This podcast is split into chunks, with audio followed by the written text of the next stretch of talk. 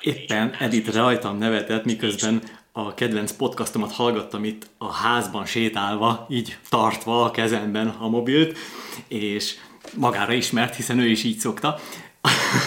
és azon nevettünk utána, hogy az apukája, a papa is nagyjából így szokta hallgatni a Szokor rádióját, abban recsegtetve a Bartók rádiót, vagy nem is tudom micsodát, és a a mama pedig azon a papán szokott nevetni, szóval a világ nem változik. Semmit nem változik. És ez annyira jó. Eszembe jut, amikor Guy Kawasaki posztolt egy képet, amiben, ami tulajdonképpen egy ketté volt osztva, az egyik oldalán egy ilyen hm, fekete-fehér kép volt, körülbelül száz évvel ezelőtti New Yorki metróállomás, volt akkor már metró? Nem, mindegy, valamilyen állomáson vártak, a, lehet, hogy a lovaskocsira, nem tudom.